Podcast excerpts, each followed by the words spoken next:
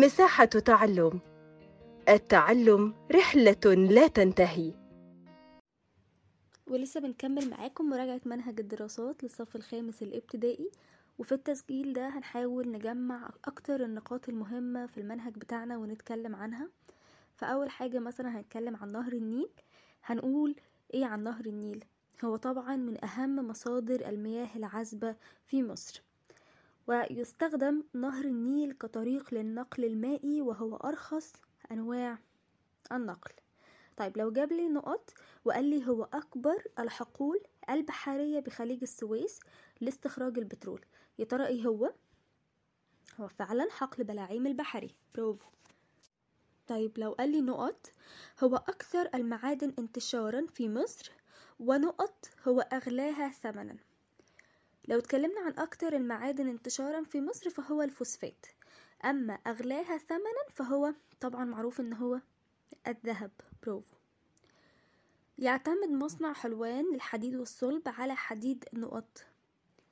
مصنع حلوان للحديد والصلب بيعتمد على حديد الواحات البحرية. تعتمد الزراعة في مصر على سماد السوبر فوسفات الذي ينتجه مصنع نقط. الزراعة في مصر بتعتمد على سماد السوبر فوسفات اللي بينتجه مصنع أبو زعبل. بدأ استخدام الكهرباء في مصر في أوائل القرن نقط واستخدمت في الصناعة عام نقط.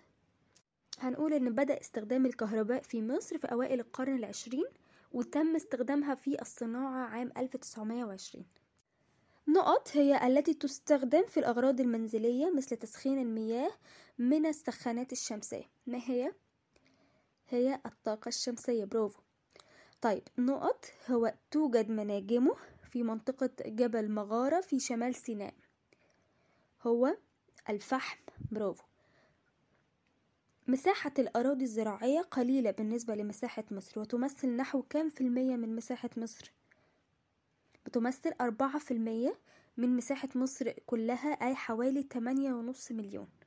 لو قال لي عايز أمثلة للصادرات فهنقول له البرتقال ثم البطاطس ثم القطن الخام ثم الأرز. طيب.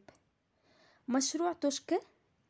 لو اتكلمنا عن مشروع توشكا هنقول إن بيتم تزويدها بالمياه من بحيرة ناصر لري الأراضي جنوب منخفض الخارجة بالوادي الجديد. طيب لو اتكلمنا عن مشروع ترعة السلام فهو بيوصل المية من فرع دمياط إلى شمال سيناء وده علشان تستخدم في زراعة الأراضي. طيب لو اتكلمنا عن مشروع شرق العوينات وهو بتعتمد الزراعة فيه على المياه الجوفية بشكل أساسي.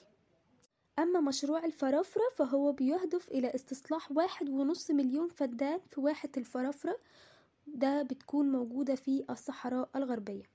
يتمثل الاستزراع السمكي في المزارع السمكية وحقول الأرز ويقتصر وجود المراعي في مصر في شمال سيناء والساحل الشمالي والواحات.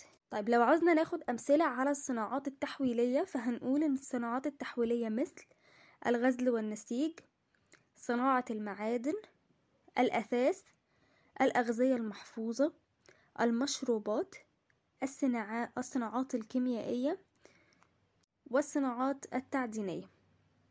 كده نكون خلصنا التسجيل ده ولسه مكملين معاكم في ذكر أهم النقاط في المنهج. استنونا في التسجيل الجاي. شكرا لكم